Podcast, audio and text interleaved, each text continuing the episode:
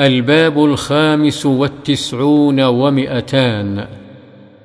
باب النهي عن القزع وهو حلق بعض الرأس دون بعض وإباحة حلقه كله للرجل دون المرأة. عن ابن عمر رضي الله عنهما قال نهى رسول الله صلى الله عليه وسلم عن القزع. متفق عليه.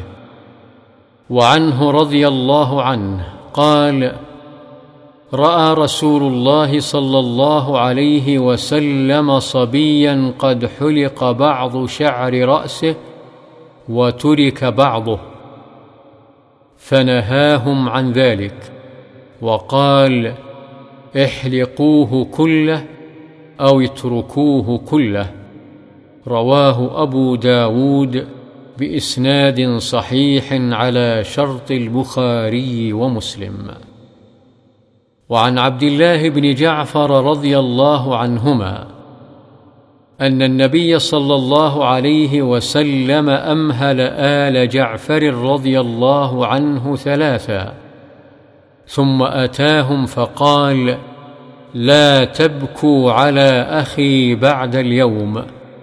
ثم قال ادعوا لي بني أخي.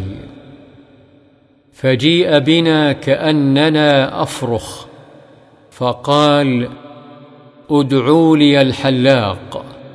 فأمره فحلق رؤوسنا. رواه أبو داود بإسناد صحيح على شرط البخاري ومسلم.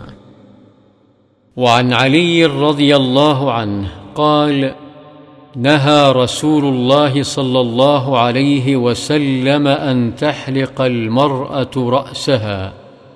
رواه النسائي. وأورده الشيخ الألباني في الضعيفة.